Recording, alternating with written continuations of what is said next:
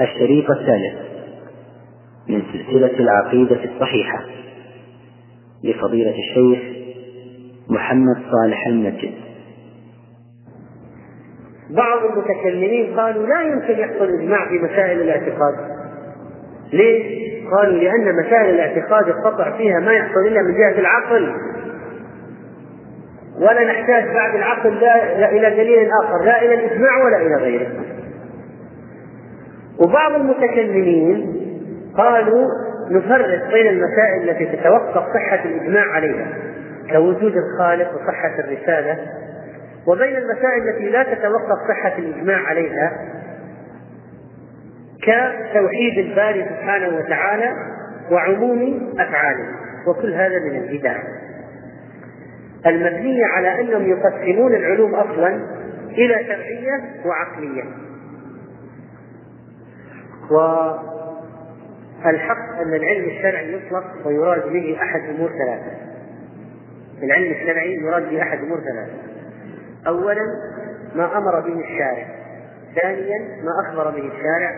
ثالثا ما شرع علمه الشارع. لو واحد قال كلمة العلم الشرعي وضحوا لنا ماذا يقصد بها وضح لي إيش معنى العلم الشرعي. ما المقصود بالعلم الشرعي؟ فالعلم الشرعي إما أن يكون أمر به الشارع وإما أن يكون علما مشروعا أو عملا مشروعا وهو الواجب والمستحب فهذا علم شرعي واضح. الثاني ما أخبر به الشارع يعني علم مستفاد من طريق الشارع مثل ما علمه الرسول ما علمه الرسول صلى الله عليه وسلم أمته. فإضافته إلى الشارع من جهة طريقه ودليله طريقه ودليله وما أخبر به الشارع إما أن يراد به إخبار الشارع أو دلالته عليه. فمثلا القرآن فيه دلالة على آيات الربوبية على النبوة ولذلك يجتمع في القضية أحيانا شرعي وعقلي. دليل شرعي ودليل عقلي. والدليل العقلي ما يتعارض مع الدليل الشرعي لأن الشارع أصلا نبه العقول عليه. فالدليل العقلي منبه عليه من قبل الشرع. فصارت العلوم إما أن تعلم من جهة الشرع فقط. إحنا كيف عرفنا أن في حور عين؟ كيف عرفنا مثلا أن الجنة فيها أنهار من ماء غير آسن؟ مع لبن وأنهار من عسل وأنهار من خمر. كيف عرفنا هذه المعلومة؟ من جهة الشرع فقط لا يمكن العقل يهتدي إلى هذه التفاصيل. وكذلك كثير من المسائل غيرها الجنة لها ثمان أبواب والنار لها سبع أبواب. تعرف تستنبطها بعقلك من غير دليل؟ لو جبت واحد ما عنده ما عنده علم بعدد الأبواب استنبط لي عدد أبواب الجنة. يمكن يقول لك عشرة يمكن يقول واحد. فهذه التفاصيل مثل عدد أبواب الجنة عدد أبواب ما لها طريق في معرفتها ابدا إلا الشر. ما في. شغل مهما كثرت عقلك لا يمكن تصل مثلا مقادير الزكاة مثلا انصبه المواريث مثلا عدد ركعات الصلوات. لا يمكن العقل يصل إليه. وهناك علوم مباحة في الشرع ندبت إلى معرفتها. ندبت إلى معرفتها. أو شرع تعلمها. شرع تعلمها. مثلا الصناعات الفلاحة الزراعة الصناعة البناية المساجد إلى آخره. هذه مشروعة من جهة أن الله أذن بها وشرع لعباده تعلمها سمح لهم بذلك. فيقال مثلا علم الزراعة مشروع مشروع بمعنى أن الله أذن فيه سمح لعباده. والخلاصة في قضية الإجماع أنه يدخل في أبواب الاعتقاد لتعظيم الأدلة وتقويتها ودفع احتمال الخطأ. يقول ابن تيمية رحمه الله وسموا أهل الجماعة لأن الجماعة هي الاجتماع وضدها الفرقة والإجماع هو الأصل الثالث الذي يعتمد عليه في العلم والدين وهم يعني أهل السنة والجماعة يزنون بهذه الأصول الثلاثة جميع ما عليه الناس من أقوال وأعمال باطنة أو ظاهرة مما له تعلق بالدين والإجماع الذي ينضبط هو ما كان عليه السلف الصالح إذ بعدهم كثر الاختلاف وانتشرت الأمة. سنتكلم إن شاء الله في الدرس القادم عن العقل الفطرة وتكملة لمنهج أهل السنة والجماعة في مصادر التلقي وأصول الاستدلال العامة بسرعة ونعرج على بعض طرق المبتدعة في مصادر التلقي. وما هو موقفهم منها؟ إن شاء الله تعالى وصلى الله وسلم على نبينا الحمد لله رب العالمين وصلى الله وسلم وبارك على نبينا محمد وعلى آله وصحبه أجمعين. وبعد. فقد تقدم الحديث عن بعض مصادر تلقي العقيدة الصحيحة. ذكرنا القرآن والسنة والإجماع والإشارة إلى القياس. ونتحدث عن هذه المصادر الأصلي الأصل هذه المصادر الأصلية الثلاث. ونتحدث أيضا إن شاء الله في هذا الدرس عن المصادر الثانوية التي لا تستقل بنفسها. ولنجعل عنوان هذا الدرس العقل والنقل حيث أن أكثر الكلام فيه سيكون إن شاء الله في مسألة العقل. وهذه القضية لها علاقة كثيره بالعقيدة وانحراف الناس في العقيدة قضية العقل. أما بالنسبة للعقل فان فإنه مصدر عقل يعقل عقلا فهو معقول وعاقل وأصل معنى العقل المنح في اللغة.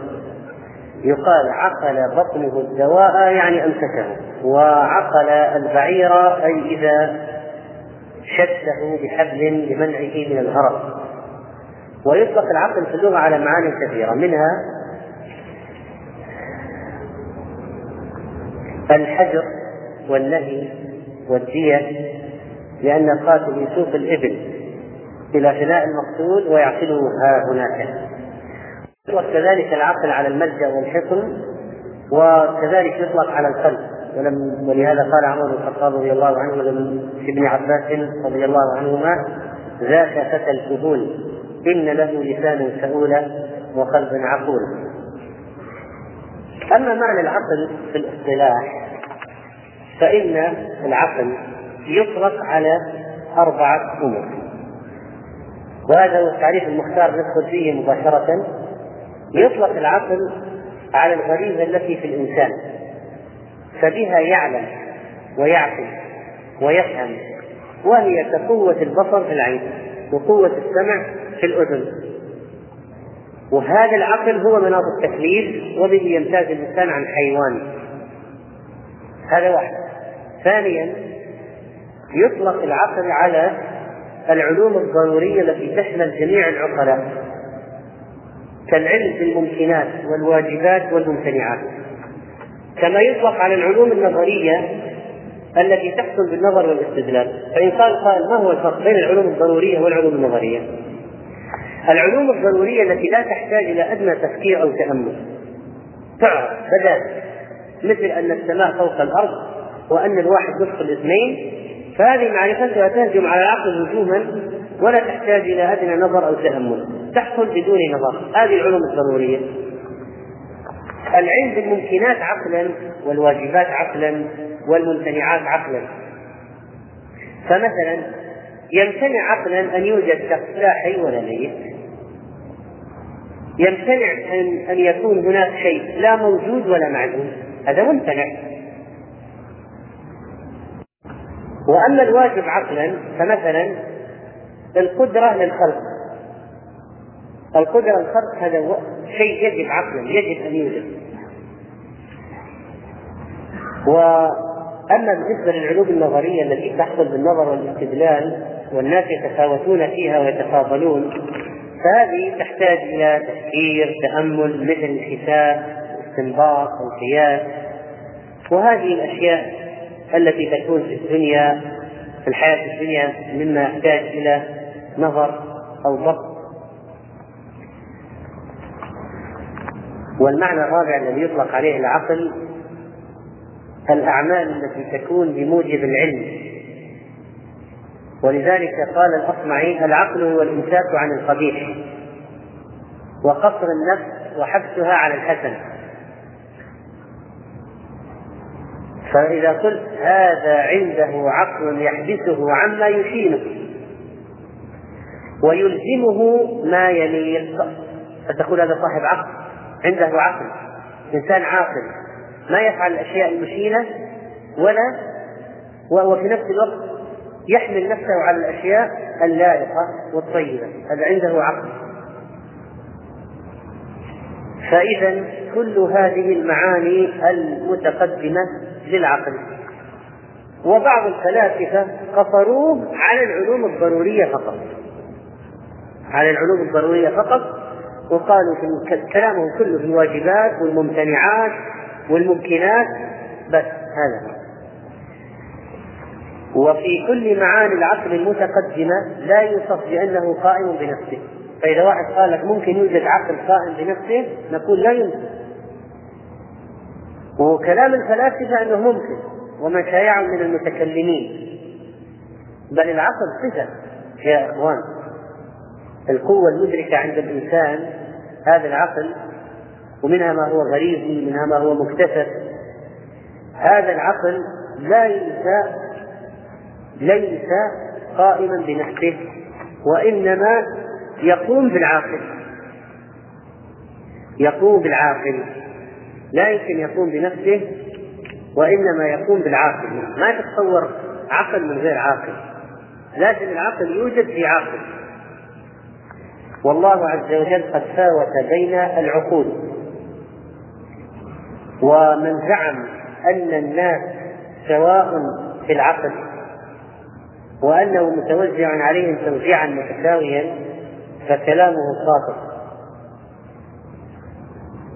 وهذا مذهب المعتزلة والأشاعرة والفلاسفة يقولون العقل عند الناس واحد ولا يقبل التفاوت. حتى قال ديكارت العقل هو أحسن الأشياء توزعا بين الناس بالتساوي. إلى أن قال إن اختلاف آرائنا لا ينشأ من أن البعض أقل من البعض الآخر. وهذه مكابرة. هذا هذا هذا عناد معاندة للواقع. ما في ناس أعقل من الناس؟ كيف يكون؟ إنه لا يوجد تفاوت.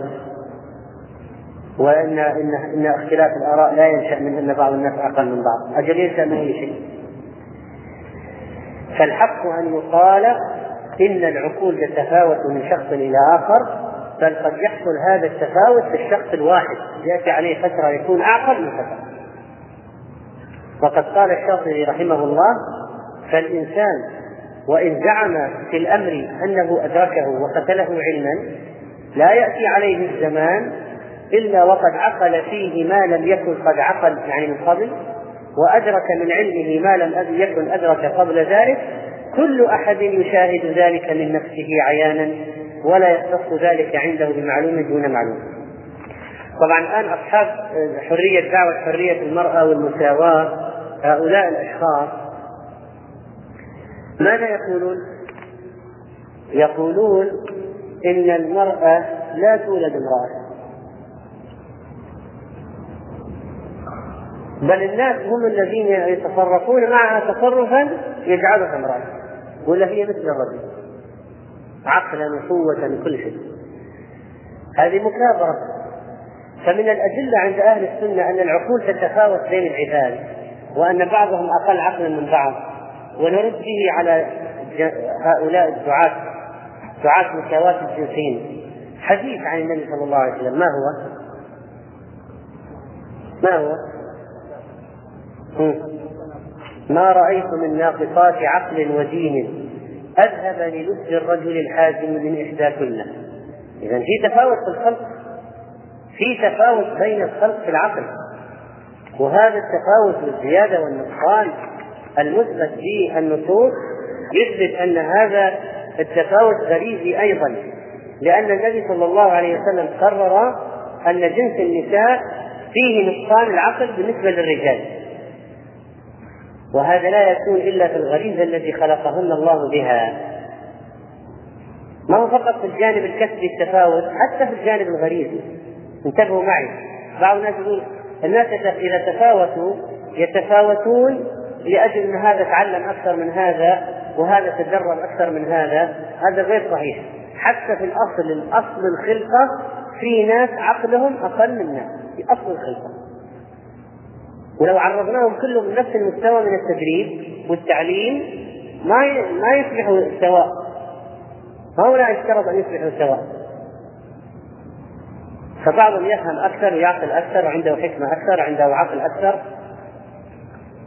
قال شيخ الإسلام ابن تيمية رحمه الله الصحيح الذي عليه جماهير أهل السنة وهو ظاهر مذهب الإمام أحمد وأصح الروايتين عنه وقول أكثر أصحابه أن العلم والعقل ونحوهما أن العلم والعقل ونحوهما يقبل الزيادة والنقصان. هناك مسألة ليست ربما من صميم البحث لكنها يكثر الكلام فيها أين العقل؟ أين مكان العقل في الإنسان؟ اختلف أهل العلم في مكان العقل من جسم الإنسان فذهب بعضهم إلى أن العقل محله الدماغ إلى أن العقل محله الدماغ أي الرأس ودليلهم أن الإنسان لو ضرب ضربه قوية على رأسه زال عقله وان العرب تقول للشخص العاقل شديد العقل إنه وافر الدماغ وتقول لضعيف العقل خفيف الدماغ. وذهب المالكية والشافعية وبعض الحنابلة أن العقل محله القلب محله القلب. ونسب ذلك إلى الأطباء. واستدل الذين يقولون من علماء الإسلام بأن العقل في القلب بقول الله تعالى فتكون لهم قلوب يعقلون بها. فإذا أين مكان العقل؟ في القلب، من الذي يعقل؟ القلب، القلب هو الذي يعقل والعقل قائم بالقلب. فأضاف منفعة كل عضو إليه لأنه قال في الآية لهم قلوب يعقلون بها أو آذان يسمعون بها فمنفعة القلب إذا أن يعقل كما أن منفعة الأذن أن تسمع وقد تقدم في كلام عمر رضي الله عنه عن ابن عباس أن له لسانا سؤولا وقلبا عقولا وقلبا عقولا ولعل التحقيق في هذه المسألة الذي يجمع بين الأمرين لأن كل منهما له حظ من النظر. وفعلا الإنسان لو ضرب على دماغه يعني يذهب عقله. قد يذهب ذهابا نهائيا. أن يقال يعني خلاصة أن العقل له تعلق بالدماغ والقلب معا. أن العقل له تعلق بالدماغ والقلب معا حيث يكون مبدأ الفكر والنظر في الدماغ ومبدأ الإرادة والقصد في القلب. فإذا أراد الإنسان شيئا لا يريد إلا بعد تصور المراد وهذا يكون في الدماغ. ولهذا يمكن أن يقال إن القلب موطن الهداية والدماغ موطن الفكر. وقد يوجد في الناس من فقد عقل الهداية الذي محله القلب ولكن عنده إيش؟ عقل الفكر الذي محله الدماغ. كما يمكن أن يوجد العكس. ففي ناس مفكرين. عظماء لكنهم من أهل النار. ولا كفر. مشركون. ما عندهم توحيد. ما عندهم توحيد.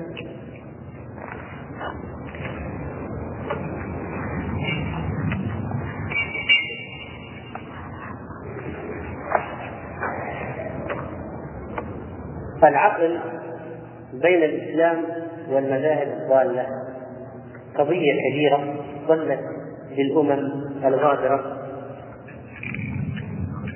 ظلت ظلت للأمم الغابرة السبل. وتاهت في الدياجير في الظلمات.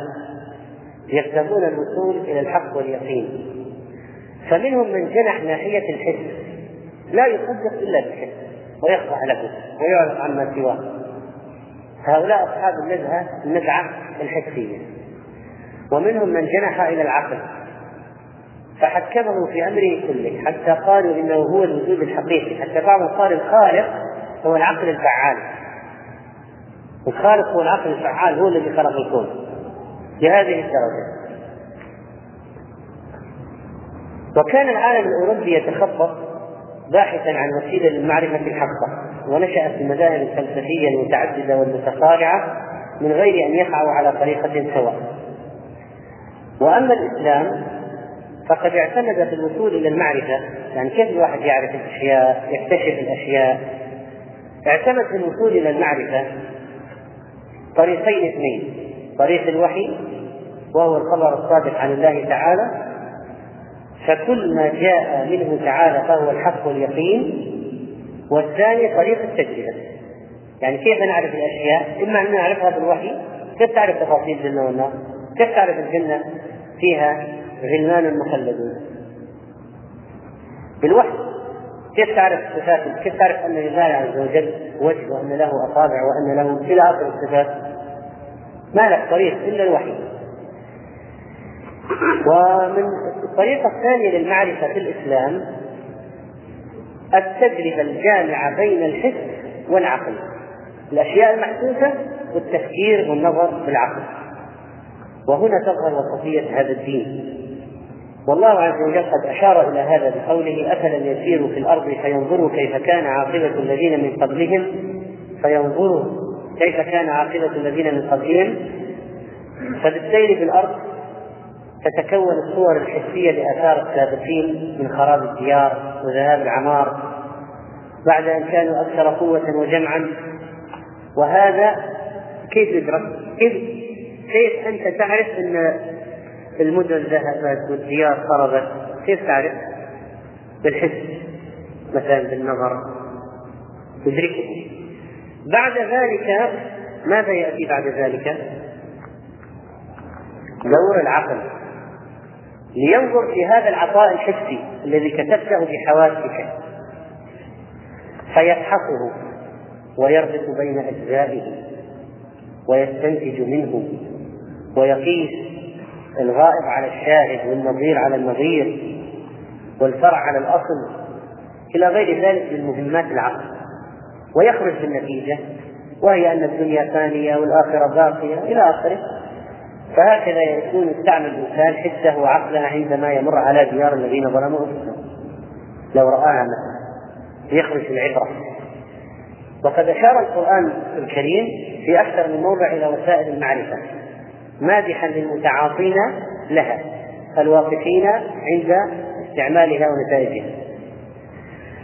فقال عز وجل أم تحسبوا أن أكثرهم يسمعون أو يعقلون؟ إن هم إلا كالأنعام بل هم أضل سبيلا. يعني لو كان يسمعون ويعقلون يستفيدون مما أعطاهم الله تعالى كان صاروا شيئا آخر. طيب المنهج الإسلامي في تحصيل المعرفة طبعا قلنا الوحي اللي هو مصدر الأشياء الغيبية. مثلا على سبيل المثال الأشياء الغيبية ما لها مصدر إلا الوحي لا عقل ولا حس لا يمكن لا يمكن. هذه الأشياء الغيبية. مصدرها الوحي. والأشياء المرئية المسموعة الموجودة في الدنيا التي الحس الحواس السمع البصر اللمس الشم الذوق إلى آخره لها تعلق بها تدرك بالمحاوات وعلى العقل يفكر فيها ويستنبط ويستخرج.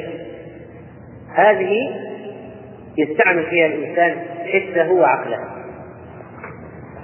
وقد أنتج المسلمون إنتاجا عظيما باستعمال ما أتى به الإسلام.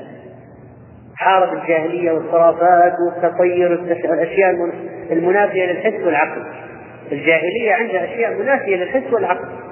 فالإسلام جاء وحارب هذه الخرافات ووجه المسلم يشتغل في الدنيا بحسه وعقله ويكتشف ويخترع ويطور. والأشياء تفاصيل العبادات ركعات الصلوات وأنظمة الزكاة وخدمة المواريث. كل هذا طبعا مرده للشرع وما في الجنة وما في النار وكيف صفة حوض النبي عليه الصلاة والسلام. هذا كله بالوحي لا يدرك لا بالعقل ولا بالحس فطور المسلمون أشياء كثيرة. تقدموا طبعا في جانب الدين أقاموا دينا عالميا ودولة خلافة أسعدت الناس. وفي المجال الدنيوي بالحس والعقل. تقدموا تطوروا اخترعوا رتبوا ولهم صناعات وكتابات ودخلوا في علوم الرياضيات والطب طوروها. وقد استفادت أوروبا هذا المنهج التجريبي لما اتصلت بالحضارة الإسلامية ولكنهم قوم برد على عادتهم ينسبون الفضل إلى غير أهله. فيقولون المنهج التدريبي اسسه روجر بيكون أو فرانسيس بيكون ونحو ذلك مع أن المنهج التجريبي في العلوم أسسه المسلمون وهذا ما يقوله منصفوهم كما اعترف بذلك بعضهم أن المنهج التجريبي استفادته أوروبا من العالم الإسلامي. لكن المسلمين بعض المسلمين نتيجة الفتوحات واتساع رقعة الدولة الإسلامية واحتكاكهم بأقوام آخرين من أمثال اليونان وترجمة الكتب التي كانت موجودة في الخزائن المقفولة تأثر بعض المسلمين بأنماط الفكر الأجنبي وحاولوا إيجاد صيغة جديدة لها تتوافق مع الإسلام بزعمهم. فلما فتحوا كتب اليونان وجدوا فيها الفلسفة وعلم المنطق. أرادوا يأخذوا هذه يجمعوا بينه وبين الإسلام. فأتوا بما بأشياء مشوهة منسوخة لأن هذا الباطل لا يتفق مع ذلك الحق. وأرادوا الاعتماد على الحجج العقلية فقط في الرد على اليهود والنصارى وغيرهم وغيرهم حتى زعم بعض المسلمين أن الحجج اللي في القرآن غير كافية. ولازم نجيب من الأدلة العقلية أو العلم المنطق والكلام الأشياء القاطعة والبراهين المفهمة. نص على ذلك بعضهم مع الأسف.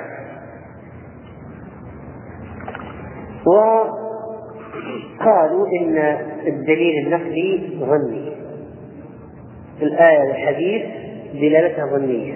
أما العقل دلالة قطعية ونشأت بدعة عظيمة في الإسلام. كان لها كان لها آثار سيئة للغاية على المسلمين. وعندما قيل إن الدليل السمعي يعني من الوحي كتاب السنة ظني والدليل العقلي هو القطعي ولذلك إذا تعارض عندهم دليل سمعي مع دليل عقلي ماذا يقدمون؟ العقل. عقولهم وأحدثوا في دين الله ما ليس منه وهذه الطائفة هم الذين يسمون بالمتكلمين ومنهم المعتزلة والأشاعرة. ومن شايعهم من أصحاب الفرق الكلامية خذ مثلا المعتزلة قدسوا دور العقل ورفعوه فوق المنزل الذي جعله الله فيها حتى جعلوا الإيمان والقرآن تابعين للعقل. وهو عندهم الأصل لكل ومستغني عن القرآن. يكفي هو وحده. في المقابل ظهر المتصوفة. ذموا العقل كله وعابوه وادعوا أن أن كل شيء منه باطل ولذلك تجدهم يذمون العقل الصوفية ويمدحون الجنون والسكر والولع في كلامهم واضح. وأشياء ما عندهم كلام كلامهم في الشطحات الشطحات. هذا الصوفيه وهذه الشطحات ما تكون إلا مع زوال العقل والتمييز. واعتبروا أن السكر والوله والشطح هذه هي غاية رقي الإنسان إذا وصل إليها وأنه يكون في كمال الإيمان وأوج اليقين والمقام الرفيع. ولازم واحد يغيب عن العقل حتى تحصل له العلوم والمعارف الإلهية والإيمانية. وتفيض على أرواحهم من هذه المعارف. وكان أهل السنة والجماعة بمذهبهم أو منهجهم المتميز وسطا بين الفريقين وجمعوا حسنات العقل والوحي كله حسنات وجعلوهما معا لا تعارض بين هذا وهذا. وقال شيخ الإسلام ابن تيمية رحمه الله العقل شرط في معرفة العلوم. وكمال وصلاح الأعمال. وبه يكمل العلم والعمل. لكنه ليس مستقلا بذلك.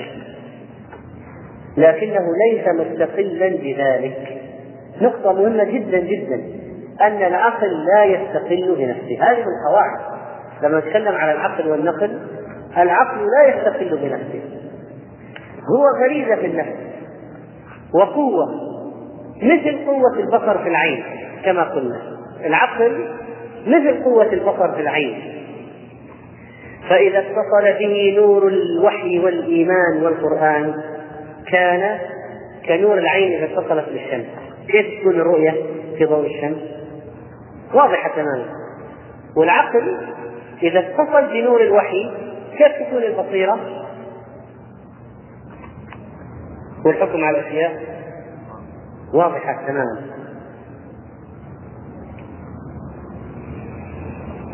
وإذا انفرد العقل بنفسه لم يبصر الأمور التي يعجز وحده عن دركها.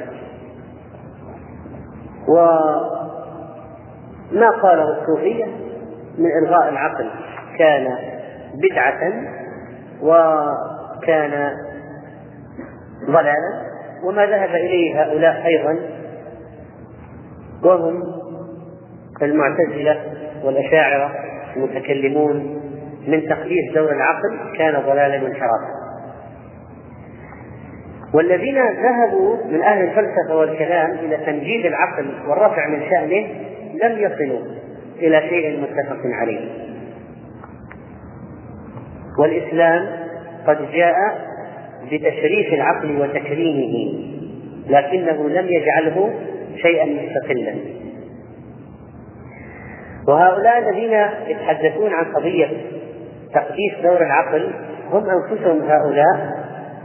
أنفسهم هؤلاء لما استعملوا عقولهم هذه بمفردها لم يأتوا بجواب واحد في الأمر الواحد وإنما أتوا بأجوبة مختلفة في الأمر الواحد.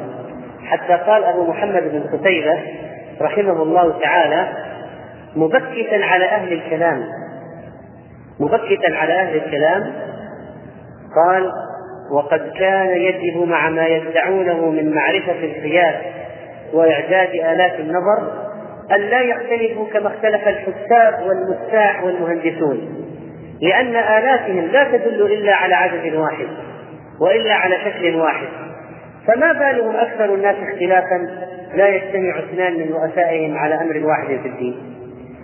لو أنا وياك والثالث الرابع عندنا مصاطر. كل واحد عنده مسطره أبو متر وجينا قسنا هذه الطاولة.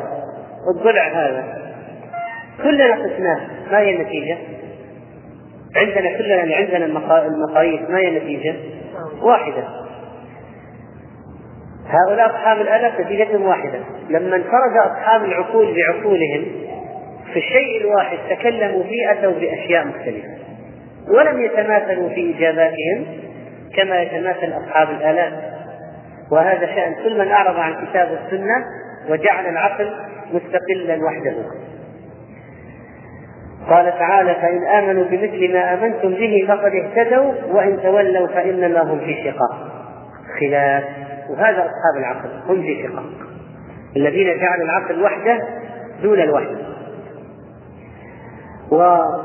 قلنا بأن الإسلام قد كرم العقل وجعله مناطا للتكليف عند الإنسان وجعله ينظر فيه ويتفكر في النفس والكون والآفاق ويستعظ ويعتذر ويسخر نعم الله تعالى ويستفيد منه.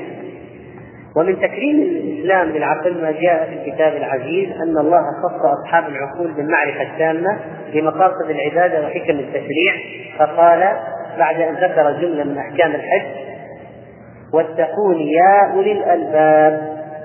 وقال لما ذكر أحكام القصاص ولكم في القصاص حياة يا أولي الألباب. ثانيا قصر سبحانه وتعالى الانتفاع بالذكر والموعظة على أصحاب العقول فقال وما يذكر إلا أولو الألباب. وقال لقد كان في قصصهم عبرة لأولي الألباب. وذكر الله تعالى أصحاب العقول وجمع لهم النظر في ملكوته. والتفكر في آلائه مع دوام ذكره ومراقبته وعبادته. كما قال عز وجل إن في خلق السماوات والأرض واختلاف الليل والنهار لآيات لأولي الألباب الذين يذكرون الله قياما وقعودا وعلى جنوبهم. أما الذين اعتمدوا على العقل فقط طريقا لمعرفة الحق واليقين مع الإعراض عن الوحي كما هي حال الفلاسفة فلم يصلوا إلى شيء وإنما وصلوا إلى الدين والضلال والحيرة. أما أهل العلم والإيمان فينظرون في ملكوت الله وخلقه السماوات والأرض نظرا يستحضر عندهم اتعاظا ويستجلب التذكر ومعرفة الله عز وجل وزيادة الإيمان وهو الذي له الخلق والأمر سبحانه وتعالى. وقد ذم الله الذين قلدوا آباءهم وألغوا عقولهم فقال وإذا قيل لهم اتبعوا ما أنزل الله قالوا بل نتبع ما ألفينا عليه آباءنا. ألو أولو كان آباؤهم لا يعقلون شيئا ولا يهتدون. وكذلك خامسا يعني من تكريم من نظرة الإسلام العقل أن الإسلام حرم الاعتداء على العقل. أي شيء يعطله أو ينقصه. فمثلا حرم المسكرات والمكسرات. وكل ما خامر العقل وغطاه. وقال تعالى يا أيها الذين آمنوا إنما الخمر والميسر والأنصاب والأزلام رجس من عمل الشيطان فاجتنبوه لعلكم تفلحون. ونهى النبي صلى الله عليه وسلم عن كل مسكر ومفكر. رواه أبو داود وصححه بعض أهل العلم. حسنه. الدية كاملة في العقل. لو واحد اعتدى على واحد ضرب واحد فقد عقله. نعم صار مجنون. كم يعطى دية كاملة دية كاملة. كأنه قتله. يعني دية العقل إذا زال بالكلية دية كاملة. ليست نصف دية ولا ربع دية وإنما دية كاملة وسادسا شدد الإسلام في في تعاطي ما ينافي العقل حتى من ناحية منهجية التفكير كالتطير والتشاؤم، إيش علاقة رقم 13 ب مثلا الشقاء والسعادة؟ إيش علاقة رقم 13 بالسعادة؟ وانه يطلع الحظ الواحد سيء.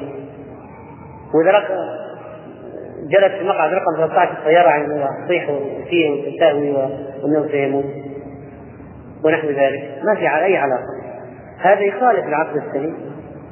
ولذلك جعل الله التطير هذا حرام، التشاؤم حرام، واتيان الكهان حرام، وادعاء علم الغيب حرام، لأن الضرب بالمنجل الآن قضية كرة الكريستال ومسألة النظر في الخط في الرمل والوجع وإلقاء الحصى كل هذا ما يتنافى مع العقل تنافيا واضحا جدا.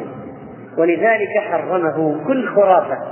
لا غول ولا صفر ولذلك كل ما كان من اعتقادات باطلة كاعتقادات العرب في الجن أو الوحوش تتغير وتتلون وتضلهم عن الطريق وتهلكهم كما كانوا يعتقدون في الغول والغيلان.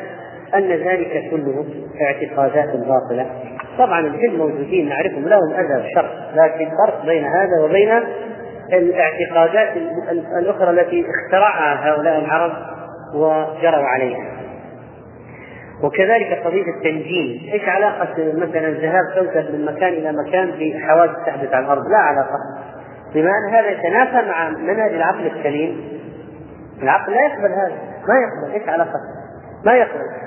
فتراه في الإسلام حراما.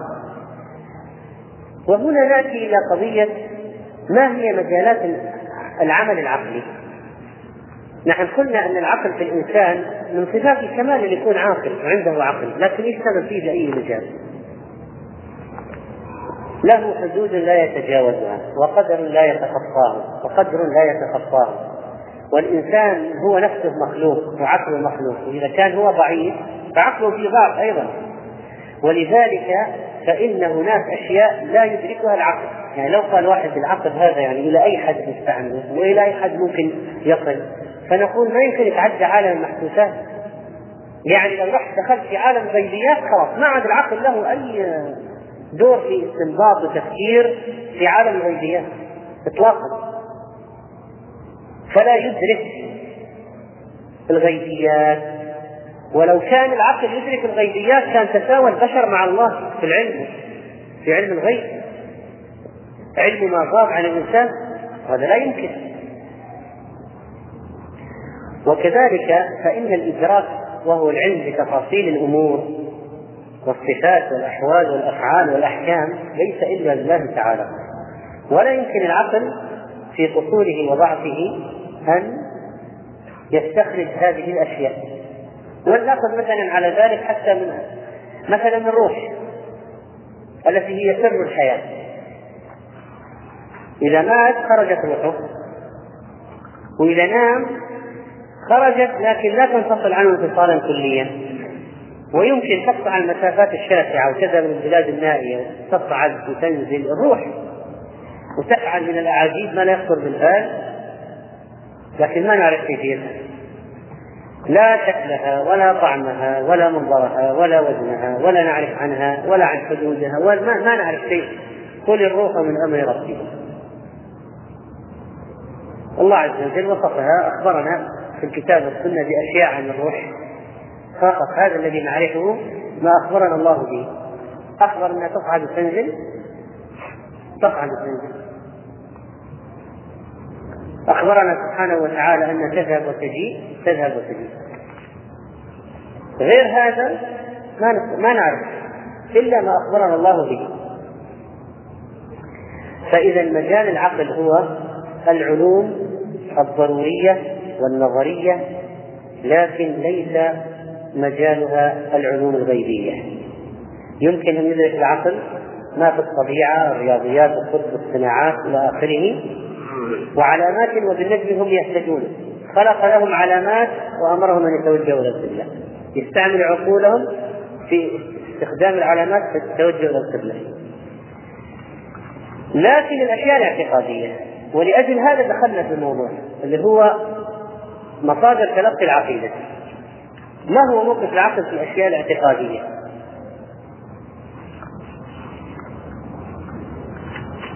ما هو موقف العقل في الأشياء الاعتقادية؟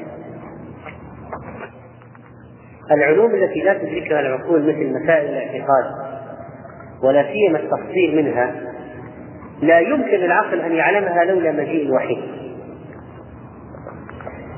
طيب لو واحد قال في مثلا وجود الله ما يمكن يدرك بالعقل نقول إيه هذه المسائل الكبار معروفة بالعقل. لكن التفاصيل والجزئيات لا يمكن تكون معروفة بالعقل. أما مساله وجود الله ممكن تعرف بالعقل بالفطرة فطر الله الناس عليها. لكن تفاصيل الوحي أنت ممكن تعرف إن إن الحوض مثلا حوض النبي صلى الله عليه وسلم مربع؟ تعرف انه هو دائري ولا مستطيل ولا مربع ولا إيش ما تعرف شكله كيف؟ إذا ما عرفت بالوحي إنه مربع. أنت تعرف لونه لون الماء الذي فيه؟ أبيض من اللبن. تعرف إنه طعمه أحلى من العسل. تعرف إنه في كم كون في جانب عدد نجوم السماء تعرف إنه يصب فيه ميزان من الجنة من نهر الكوثر يصب في الحوض. كيف تعرف هذا؟ ما يمكن تعرف لأن هذا من أمور الغيب. التفاصيل هذه لا يمكن معرفتها بالعقل. لا بد من أن نرجع إلى الوحي. فكثير من مسائل الاعتقاد إذا لا تدرك العقول حقيقتها وكيفياتها. شوف لا تعرفها أصلا. مثلا التفاصيل ضربنا مثال بالحوض. ما يمكن تعرف التفاصيل أصلا. ولو عرفتها. لاحظ معي. لو عرف العقل عرف التفاصيل من الوحي. لا زال غير قادر على تخيل الكيفية والصفة. لو عرف العقل كيفيا لو عرف العقل تفاصيل من الوحي لا يزال العقل غير قادر على معرفة الكيفية. يعني الآن نحن لو ما الله عز وجل أخبرنا أن له وجه ولا له يدان ولا له أصابع سبحانه وتعالى كما جاء في السنة وغير ذلك وله سمع وله بصر عز وجل. طيب وله قدم وله حفظ وله كما أخبرنا. جاءت بذلك هذه الأحاديث وأنه يرى يرى في الآخرة. طبعا لو ما أخبرنا ما نستطيع أن يقول أن نعرف شيئا من هذا. طيب بعد ما أخبرنا هل خلص العقل فهم عرف كل شيء؟ لا. لا زال القضية بالنسبة لنا معلومات نوقن بها وعرفناها من جهة الشرع من جهة الوحي لكن ما نستطيع أن نتخيل الكيفية بعقولنا. فأي شكل يخطر بذلك عن الله أو يده سبحانه أو وجهه ليس هو الحقيقة. لأنه لا يمكن العقل أن يعرف الكيفية. طيب لو قال واحد هل العقل ممكن أن يتوصل إلى أن هناك أشياء غيبية لا يعرفها؟ كذا بالجملة هذه. ممكن. ممكن العقل يقول أن هناك غيبيات دون تفاصيل. ممكن العقل يدرك أن هناك شيء لغيب؟ نعم ممكن. ممكن.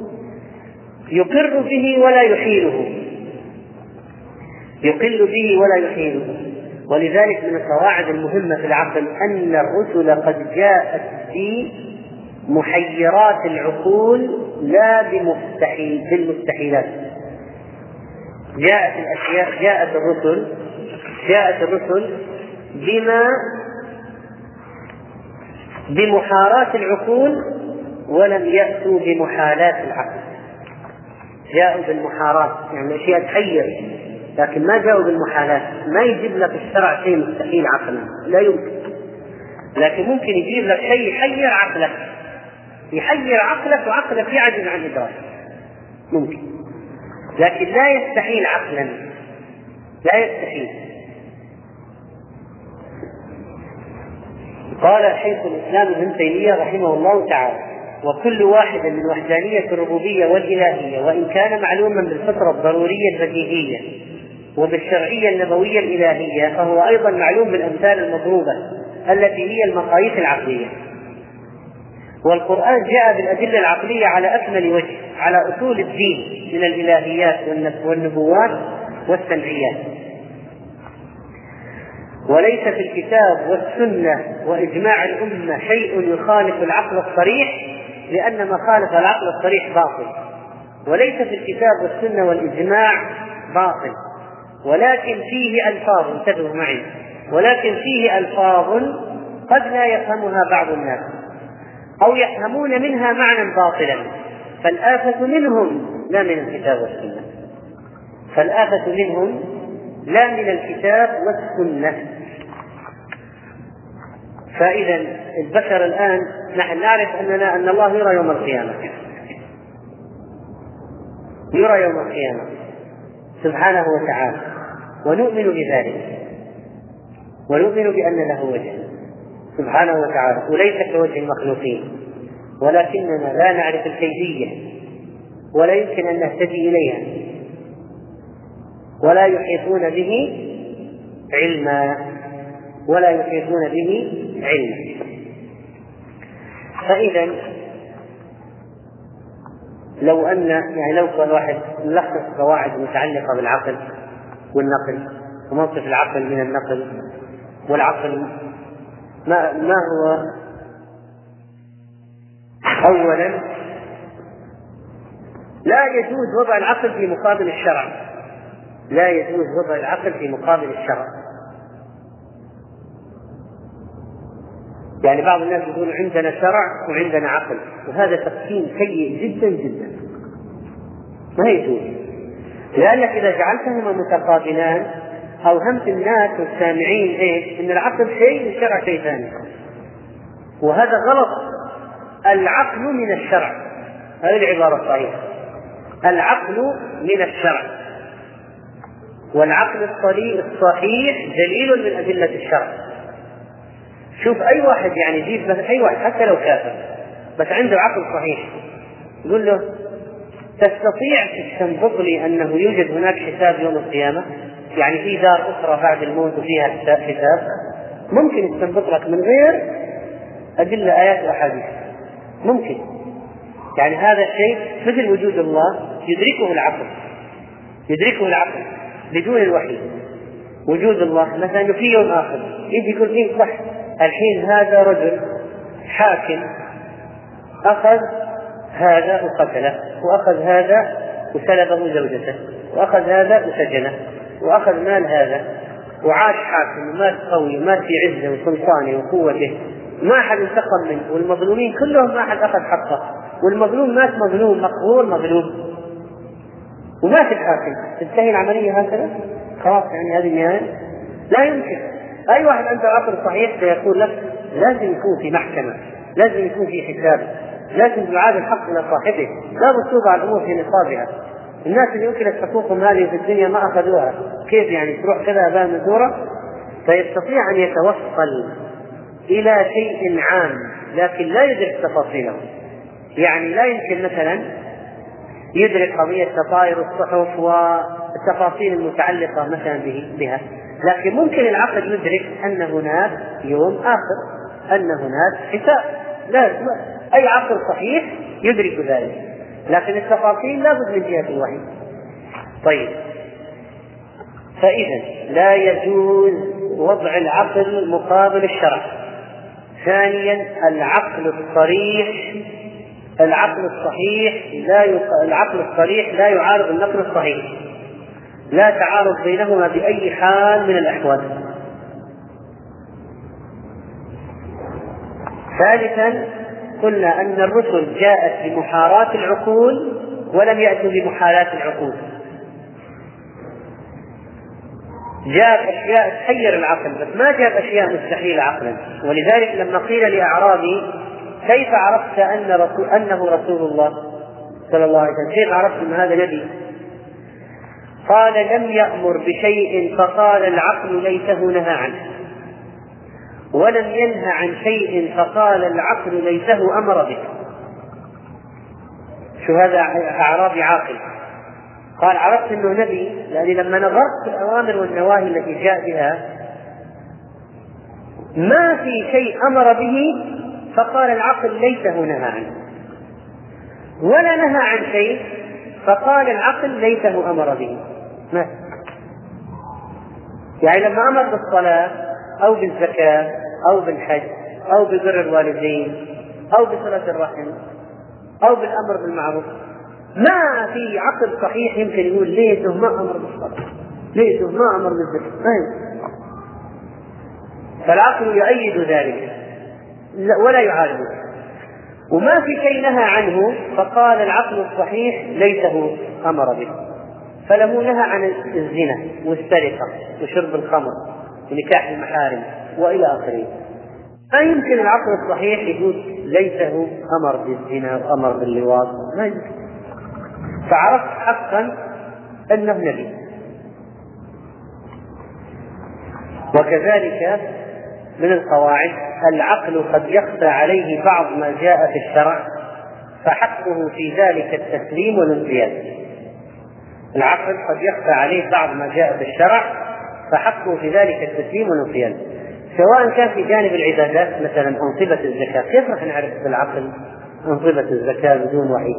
مثلا عدد ركعات الصلوات. كيف تعرف المغرب ثلاث والفجر اثنتين؟ ما يمكن. وكذلك أنصبة المواريث. والأمور التفاصيل الغيبية. ما يمكن معرفتها إلا من جهة الوحي. إذا هناك أشياء لا دخل للعقل فيها ولا يمكن العقل يعرفها والوحي هو الذي يعرفها هو الذي يأتي بها. وماذا على العقل؟ التسليم التسليم. والعقل لا يمكنه معرفة تفاصيل الشرع. هذا التفصيل عن الذي قبله. العقل لا يمكنه معرفة تفاصيل الشرع استقلالا كأنصبة الزكاة والمواريث فإذا العقل قد يخفى عليه بعض ما جاء في الشرع وحقه التسليم والانقياد. والعقل لا يمكنه معرفة تفاصيل الشرع استقلالا وكذلك تفاصيل الصفات. ما يمكن يعرف تفاصيل الصفات إلا إذا دلله الوحي على ذلك. بخلاف المعتزلة. المعتزلة قالوا يمكن العقل معرفة التفاصيل في الصفات والأسماء والشرائع وهذا مبتدئ. سادسا أن العقل مع النقل كضوء العين كأن العقل مع النقل كالعين مع ضوء الشمس. كالعين مع ضوء الشمس. فإذا ضعف أحدهما ضعف الإبصار يعني إذا ضعفت العين نفسها كان فيها مشكلة في العين أو الشمس ضعفت يضعف الإبصار فالعقل مع النقل مثل العين مع ضوء الشمس. إذا كان كلاهما قوي كان البصيرة قوية فإذا كان العقل صحيح والنقل صحيح اجتمعا البصيرة قوية وإذا كان واحد حديث ضعيف موضوع أو أوهام وخرافات دين خرافات ليش لو جبت أكمل عقل في الدنيا كيف يعمل مع الخرافات؟ كيف يتعايش معه؟ ولو جبت الدين الصحيح وهذا إنسان عقله مريض ومعوج ومنحرف إيش الفائدة؟ في ملاحظة أخيرا لم يصح في فضل العقل حديثا مستقل لم يصح في فضل العقل حديثا مستقل وما أحسن قول الشاعر في قضية العلم والعقل العلم والعقل الذي قال فيه علم العليم وعقل العاقل اختلفا من ذا الذي منهما قد أكمل الشرف؟ فالعقل قال أنا أحرزت غايته لأنني بي رب الناس قد عرف. فأصبح العلم إصلاحا وقال له بأين الله في تنزيله اتصف اتصف أنه عليم ولا أنه عاقل؟ عليم. فبان للعقل أن العلم سيده فقبل العقل رأس العلم وانصرف ما في عقل بدون علم علم فإذا العلم سيد العقل ولا يكون العقل صحيح حتى تكون النتيجة هي المرضية. هذا بالنسبة طبعا ابن رحمه الله ألف كتابه العظيم درء تعارض العقل والنقل كله في الرد على هؤلاء أهل العقلانيين وأهل الفلسفة والأشاعرة والمعتزلة وغيرهم وليثبت أنه ما في تعارض يعني ماذا يقولون؟ إذا تعارض العقل مع النقل نقدم إيش؟ العقل ابن تيمية كتابه يثبت فيه إنه ما في تعارض أصلا فكرة مهمة فكرة الكتاب جدا. ابن تيمية أثبت في الكتاب بالبراهين القاطعة انه ما في تعارض أصلا. ما في تعارض. وما يزعمه أولئك من التعارض مرض في عقولهم لا في النقل الله عز وجل أثبت أنه في جهة العلوم. جو قالوا محصور مو محصور قال كذا عقل يحيل العلوم. فأثبت لهم أن العقل لا يحيل العلوم. أصلا نحن بالنسبة لله إيش؟ كل الأرض السماء كلها إيش؟ حتى لي فوق محصور ما محصور أصلا نحن ولا ذرة ولا ذرة بالنسبة لله إيش تقول محصور؟ ولذلك أصحاب العقول الصحيحة يعرفون أن الله في العلو حتى الكافر حتى الكافر ولذلك إذا الكافر جاءته مصيبة لا شعوريا يرفع رأسه بصره للسماء. وأنا رأيت ذلك. مكافر جاء عليه وقع مصيبة تلقائيا تلقائيا. وهذا ما هو مركوز في الفطرة وهو الدليل الأخير الذي نتحدث عنه في مصادر تلقي العقيدة المصادر الثانوية. وقلنا العقل والفطرة كلام مهم هذا. العقل والفطرة دليلان مساندان ليسا مستقلين. العقل والفطرة دليلان مساندان. دليل مساند. العقل احفظ هذا دليل مساند. ما هو مستقل؟ والفطرة كذلك. فلو قلت لي ما هي الفطرة؟ ما ما فطر عليه الإنسان. الطفل مفطور على أن الله في السماء. الإنسان إذا وجد في نفسه ضيقا رفع يديه إلى السماء. النفوس مفطوره على محبة من أحسن إليها. هذا مثال يعني النفوس مفطوره على حب من أحسن اليها هذه فطرة. حتى عند البهائم هذه موجودة. الولد يرضع من من, من ثدي أمه كيف؟ يجي دليل يعني يعلم. عنده عقل يدرك به. لا بالغريزة يعني بالفطرة. اللي يسموها أحيانا غريزة هذه بالفطرة. فالطفل يعرف ثدي أمه ويمر كذا بما بما غرزه الله في نفسه بالفطرة.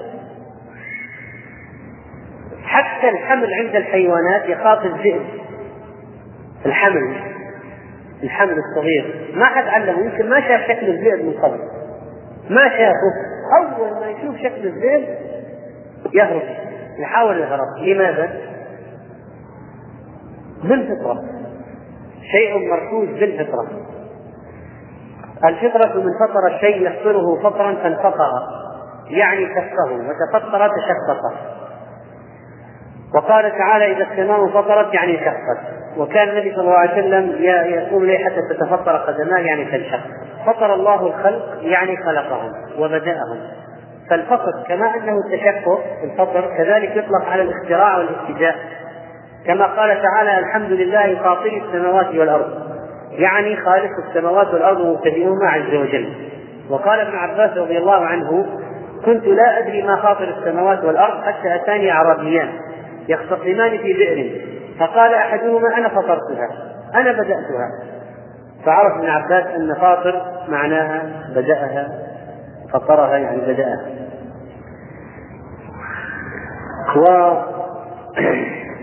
الفطرة في الاصطلاح هي الإسلام. لو واحد قال ما هي الفطرة؟ شرعا. عرفنا لغة لكن شرعا ما هي؟ هي الإسلام. ورد لفظ الفطرة في القرآن الكريم في آية واحدة يعني بالمصدر وهي قوله تعالى فطرة الله التي فطر الناس عليها لا تبديل لخلق الله ذلك الدين القيم. والسنة ورد حديث كل مولود يولد على الفطرة فأبواه يهودانه أو يمجسانه كمثل البهيمة تنتج البهيمة هل ترى فيها جدعة؟ تنتج البهيمة هل ترى فيها جدعة؟ يقرأ من شيء فطرة الله التي فطر الناس عليها لا تبديل لخلق الله. ذهب الناس في الفطرة مذاهب قالوا الفطرة هي الخلقة التي عليها المولود الخلقة التي عليها المولود ولكن هذا كلام ناقص. والقول بأن الفطرة هي السلامة من المعرفة والإنكار يعني في ناس قالوا أن الفطرة يعني ما فيها أن يعرف الله ولا أن ينكر الله. كذا يعني الفطرة ترى انتبهوا هذا مذهب خطير. قالوا الفطرة حيادية. الفطرة إيش؟ حيادية. لا تعرف الله ولا تنكر الله. هذا قول. وهذا كلام هذا كلام غلط. النبي صلى الله عليه وسلم قال فأبواه يهودانه أو ينصرانه. ليش ما قال يسلمانه ولا يمسلمانه؟ ليش؟ لأن هو على الإسلام مفطور. مفطور على الإسلام.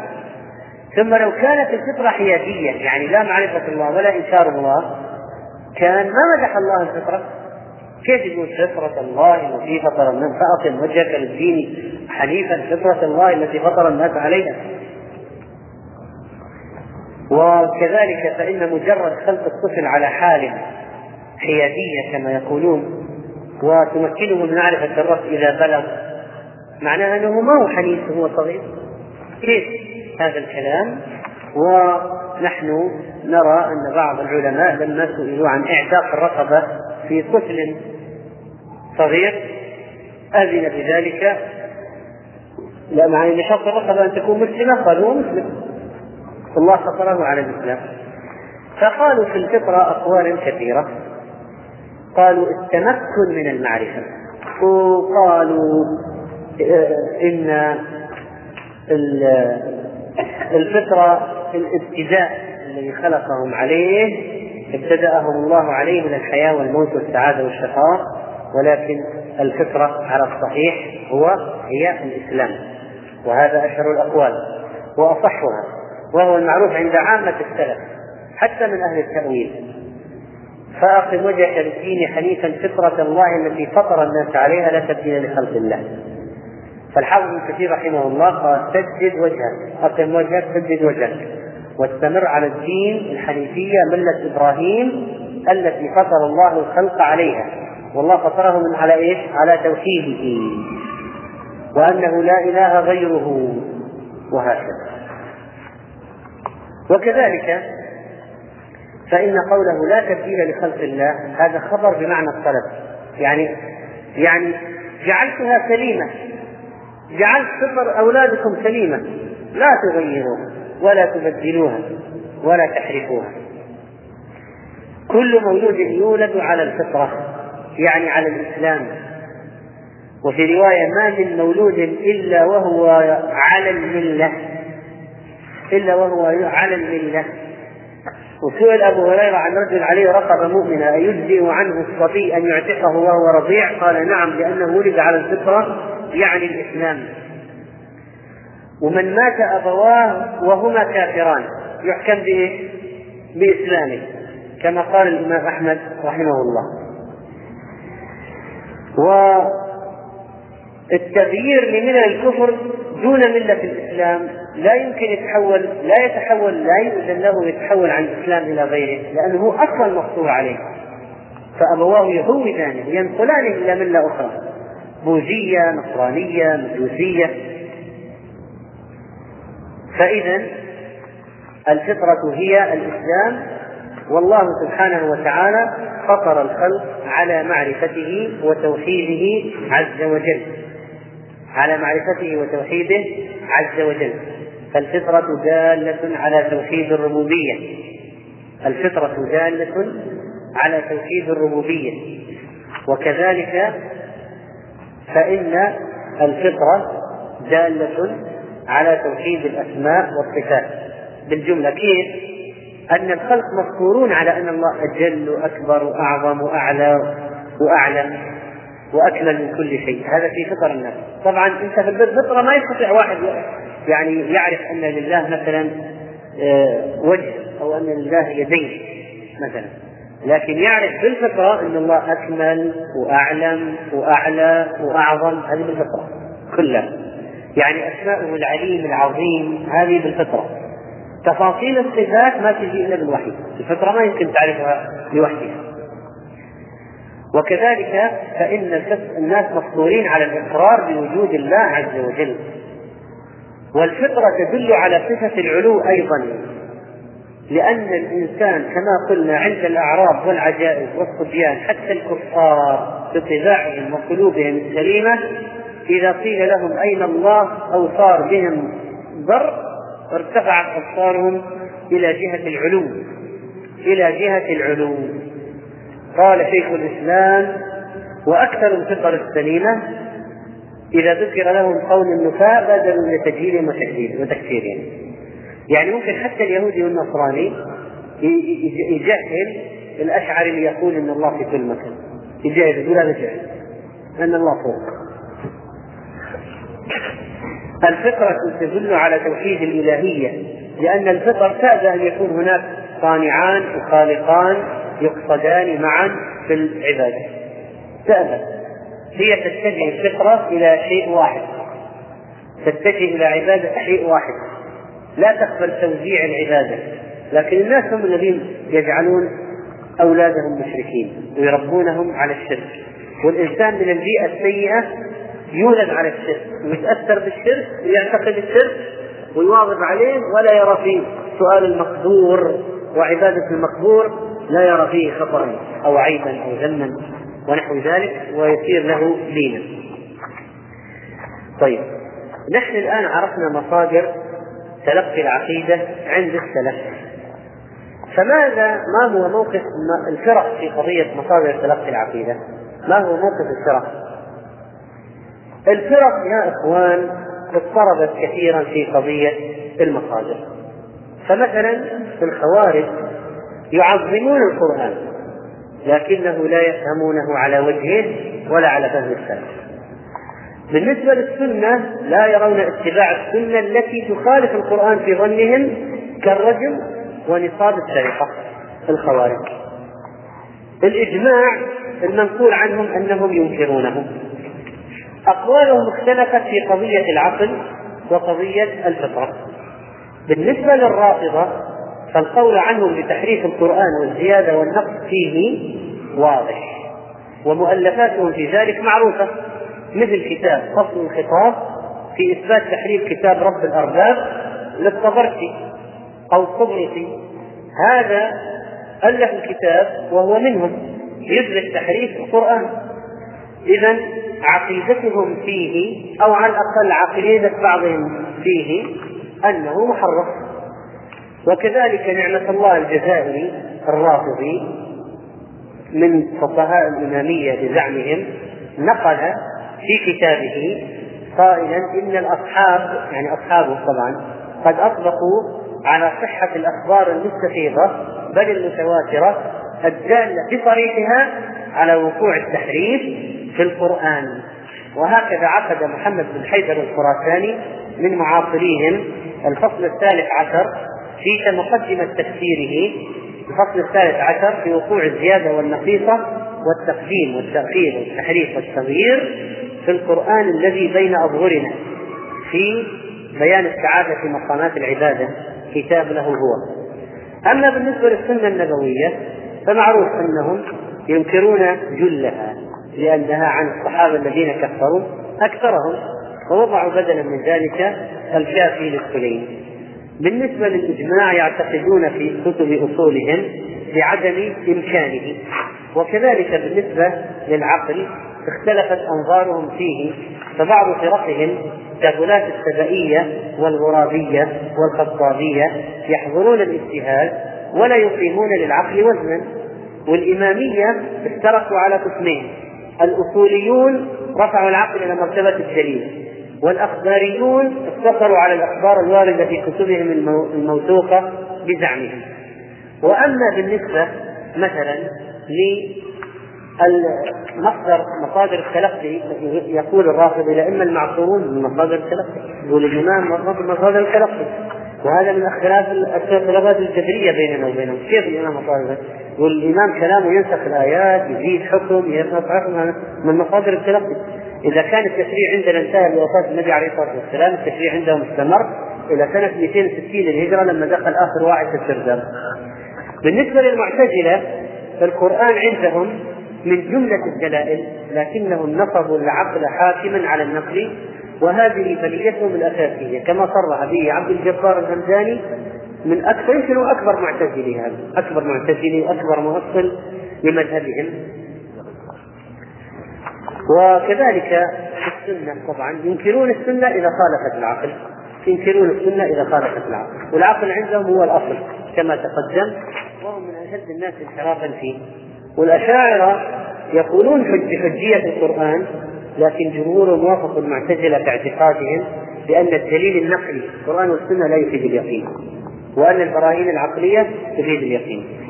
وأما السنة فنعرف فيها أنهم لا أنهم لا يعتقدون بخبر الآحاد ولا يرونه حجة في العقيدة. وأما بالنسبة للصوفية فهذا بحث مستقل والصوفية فيها توسعة صدر كما يقولون في مصادر التلقي لأن عندهم النبوة شيء والخبر من مصادر التلقي واجتمع شيخنا بالخبر وقال كذا كذا أحكام جديدة. أوه هذا مصدر تلقي والإلهام ما يلهمه الشيخ والولي من مصادر التلقي والفراسة وخواطر النفس والأحاديث من مصادر التلقي والهواتف ما يسمعه الولي والشيخ بأذنه. يمكن يكون من شيطان من جني تهيأ مرض نفسي من مصادر التلقي. وعندهم الإسراءات والمعاريف أن الشيخ يعرض بروحه بل يمكن بجسده أيضا ويسمع أشياء السماء ويعطى أحكام من مصادر التلقي عندهم إسراءات والمعاريف.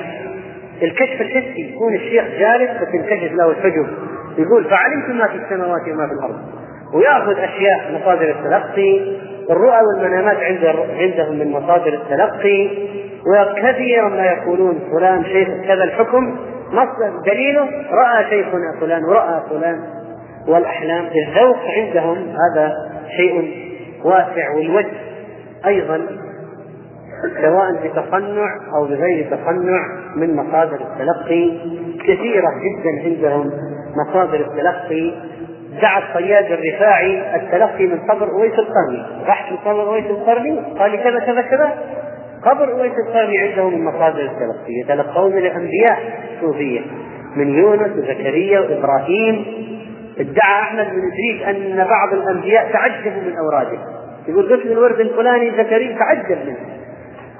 وأبو حامد الغزالي بين أول طريق طريقة تبتدئ المكاشفات ثم المشاهدات. ويعاينون الملائكة يقظة وأرواح الأنبياء يسمعون أصواتهم. ولذلك بعضهم يدعي الصحبة بعض الصوفية يدعي الصحبة يقول أن لقينا النبي مؤمنا به داعي الصحبة وزعم الصيادي أنه رأى في المحضر النبوي أبا بكر وعمر وأن عمر أبو بكر علمه دعاء الخاشعين وعمر علمه صيغة ثانية. ومن افتراءاته أن علي بن أبي طالب طلب منه أن يسمعه حزب الوسيلة لأحمد الرفاعي لأن علي كان يحب هذا الحزب. يقول رحت الحضرة النبوية وشفت علي وقال سمعني حزب أحمد الرفاعي أنا أعجبني هذا حزب أحمد الرفاعي.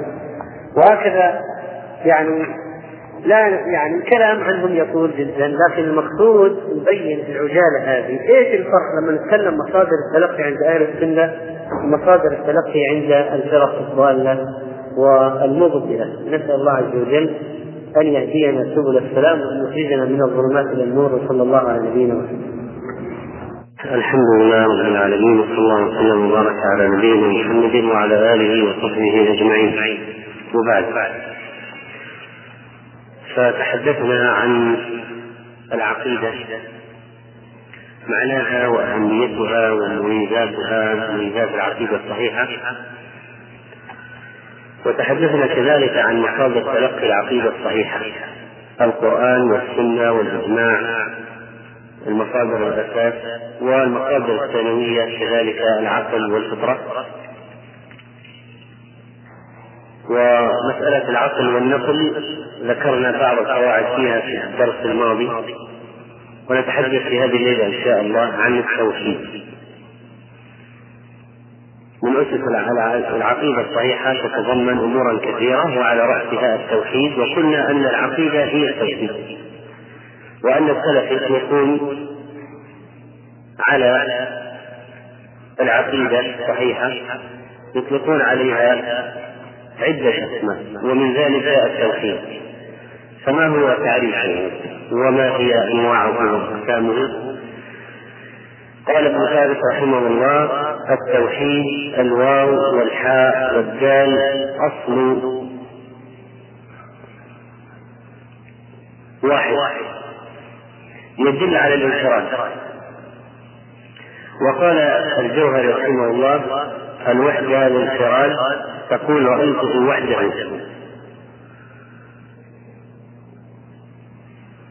وكذلك قال الأزهري رحمه الله قال الليث الوحد المنفرد. وقال أبو العباس يحتمل أيضا أن يكون الرجل في نفسه منفردا كأنك قلت رأيت رجلا منفردا. ثم وضعت وحده موضعه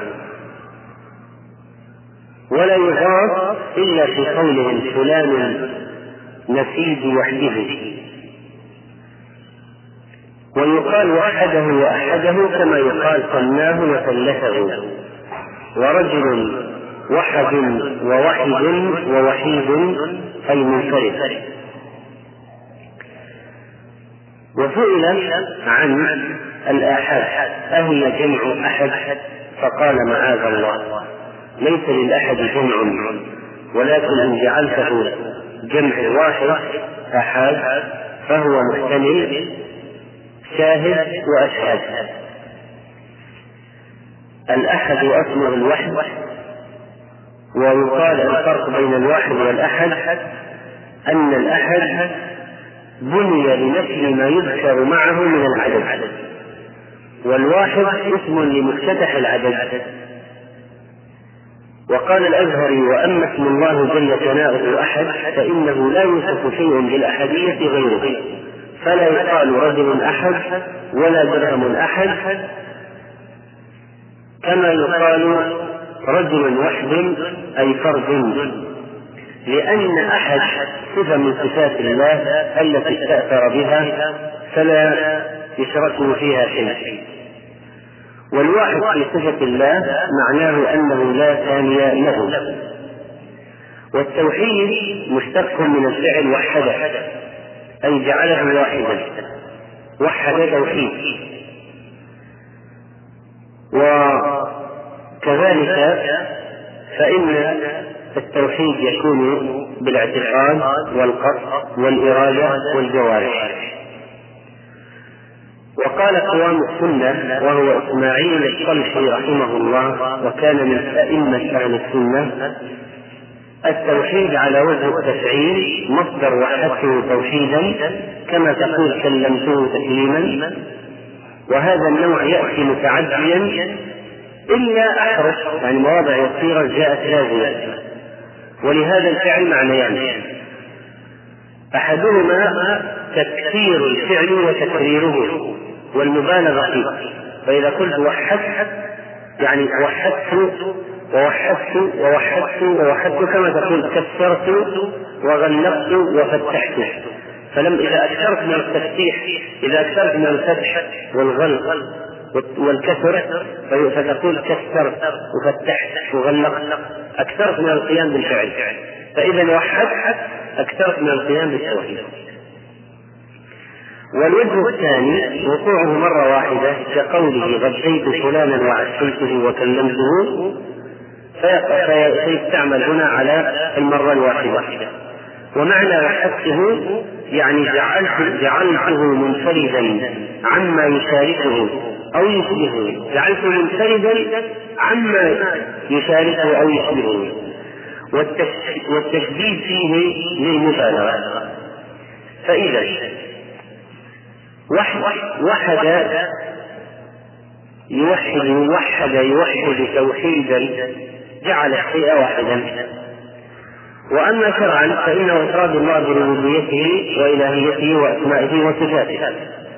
وإن قلت إفراد الله بأفعاله وأسمائه وصفاته وحقوقه كان ذلك وجيها. كيف استعملت قضيه التوحيد في القرآن والسنة؟ أما بالنسبة لكتاب الله عز وجل فإن الله سبحانه وتعالى ذكر في آيات ما يدل على توحيده بالعبادة وقصرها عليه عز وجل كما قال سبحانه وتعالى قل يا أهل الكتاب تعالوا إلى كلمة سواء بيننا وبينكم أن لا نعبد إلا الله. وأعبد الله ولا تشركوا به شيئا. وكذلك فإنه قد جاء في القرآن استعمال التوحيد على نفي الشراكه عن الله عز وجل. كما قال لكنه والله ربي ولا أشرك لكنه والله ربي ولا أشرك بربي أحدا وكذلك جاءت ما يدل على حصر الأسماء الحسنى وقصرها على الله سبحانه كقوله الله لا إله إلا هو له الأسماء الحسنى. هذه مواضع جاء فيها التوحيد في القرآن. وكذلك ورد التوحيد فيما يدل على تفرد الله بالألوهية وتوحيد وتوحيده بها وأنها لا تجوز لغيره. إنما أنا منذر وما من إله إلا الله الواحد القهار. فاعلم أنه لا إله إلا الله واستغفر لذنبك كما جاء التاكيد في القرآن في مواضع دالة على تفرد الله بالربوبية كقوله عز وجل قل من رب السماوات والأرض قل الله جاء ما يدل جاء كذلك استعمال أو جاء التوحيد في القرآن فيما يدل على تفرد الله بالإيمان به وحده الايمان به وحده كقوله عز وجل فلما رأوا بأسنا قالوا آمنا بالله وحده. وكذلك جاء فيما يدل على أن الإسلام يكون له وحده أيضا قل إني نهيت أن أعبد الذين تدعون من دون الله قال في آخر الآية وأمرت أن أسلم لرب العالمين. ادخلوا في السلم كافة ومن يسلم وجهه لله وهو محسن الآية. كذلك جاء في سياق ما يدل على أن الدين يكون له وحده وقاتلوا حتى لا تكون فتنة ويكون الدين كله لله. جاء جاء أيضا في سياق التوحيد في القرآن ما يدل على تفرده سبحانه وتعالى بالولاية. قل أغير الله أتخذ وليا؟ هذا توحيد. في أي موضع جاء التوحيد في قضية الولاية. جاء أيضا التوحيد في مسألة الحكم فقال عز وجل إن الحكم إلا لله. جاء كذلك في قضية أن الله سبحانه وتعالى متفرد بالخلق والملك والتدبير والرزق والإحياء والإماتة وملك النفع والضر. فمثلا أنا له الخلق والأمر. التوحيد في إيش؟ التوحيد هنا في كونه منفرد بالخلق والأمر. مثلا تبارك الذي بيده الملك. توحيد في كونه منفرد في أن له الملك التام عز وجل. كذلك تؤتي الملك من تشاء تنزع ملكا من تشاء. ويعبدون من دون الله ما لا ينفعهم ولا يضرهم. توحيد في أي جانب هنا؟ إفراد إفراد الله تعالى بأنه هو الذي يضر وينفع عز وجل. كذلك جاء التوحيد في القرآن في أن جميع المعبودات ناقصة وعاجزة بنفسها لا تملك لنفسها نفعا ولا ضرا كقوله سبحانه وتعالى أو يشركون ما لا يخلق شيئا وهم يخلقون ولا يستطيعون لأنفسهم ولا يستطيعون لهم نصرا ولا أنفسهم ينصرون وهكذا. وكذلك جاء التوحيد في سياق في قضية تقرب الله عز وجل بالنعم الظاهرة والباطنة على الخلق أجمعين. كما جاء في آيات كثيرة في الله الذي خلق السماوات والأرض وأنزل من السماء ماء فأخرج به من الثمرات رزقا لكم إلى آخر الآيات. وكذلك قضية التوحيد في فوقية الله تعالى وقهره لخلقه. وكذلك في نصر أوليائه وإهلاك أعدائه وأما في سنة النبي صلى الله عليه وسلم فإن النبي صلى الله عليه وسلم أخبر أنه بعث بالحنيفيه السمحه وهي التوحيد وأنه كذلك بعث به بعث به إلى الناس كافة. يا أيها الناس قولوا لا إله إلا الله تفلحوا. وأنه بعث به أنه بعث به رسله إلى الناس كما أرسل معاذ إلى أهل اليمن بالتوحيد. أرسل بالتوحيد كتبا إلى الملوك كما أرسل إلى هرقل تدعوك بدعاء الإسلام أسلم تسلم. يؤتك الله أجرك مرتين. علمه الوجود. كلما جاء وفد علمهم كما جاء وفد عبد القيس قال تدرون ما الإيمان بالله وحده؟ قالوا والله ورسوله أعلم. قال شهادة لا إله إلا الله. وكذلك قاتل الناس عليه أمرت أن يقاتل الناس حتى يقولوا لا إله إلا الله. وكذلك بايع عليه يعني على التوحيد. كما قال جرير رضي الله عنه بايعت رسول الله صلى الله عليه وسلم على شهادة لا إله إلا الله وأن محمد رسول الله وإقام الصلاة وإيتاء الزكاة والسمع والطاعة ونصح والنصح لكل مسلم. وكذلك في سائر شؤونه عليه السلام كان يرجع اصحابه على التوحيد. وهذه سورة الفاتحه التي يقرا بها في الصلاة هي توحيد من أولها إلى آخرها سواء كان توحيد الربوبية أو توحيد الألوهية أو توحيد الأسماء والصفات. وكذلك فإنه عليه السلام من تتبع الأذكار التي علمها لأمته عندما يقوم النوم وعندما ينامون وعند عند طعامهم وعند كربهم وعند سفرهم وعند فطرهم في, في الصيام وعند الجلوس المجلس الذي يقومون منه كثر فيه اللغط. وهكذا كلها تذكر العبد بالتوحيد في سائر الأذكار أذكار اليوم والليل. أما بالنسبة لإطلاق التوحيد فإن التوحيد يطلق على عدة أشياء. يطلق بعدة إطلاقات. فأما بالنسبة لإطلاق التوحيد على أعمال على على أما بالنسبة لإطلاق التوحيد فقد يطلق فقد يقسم إلى ثلاثة أقسام. توحيد القلب. وتوحيد العمل وتوحيد القول. توحيد القلب وتوحيد القول وتوحيد العمل. توحيد القلب توحيد القول وتوحيد العمل. وإذا قلت أن توحيد القلب ينقسم إلى قول القلب وعمل القلب فقول القلب هو التصديق وعمل القلب هو الحب والخضوع والانقياد والمحبة والرجاء والحياء وغير ذلك. فيكون توحيد القلب قولا وعملا.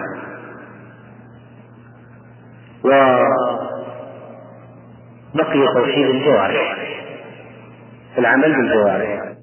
فإذا قلت توحيد القلب أو توحيد القول أو توحيد العمل هذا أيضا آه، واضح وسائل ولا بأس به. وقلنا توحيد القلب القلب يكون بالتصديق قولا قول القلب وعمل القلب يكون بالحب والخوف والرجاء ونحو ذلك. وأما توحيد العمل بالجوارح قل إن صلاتي ونسكي ومحياي وممات لله رب العالمين. فصل لربك ونحو توحيد بأعمال الجوارح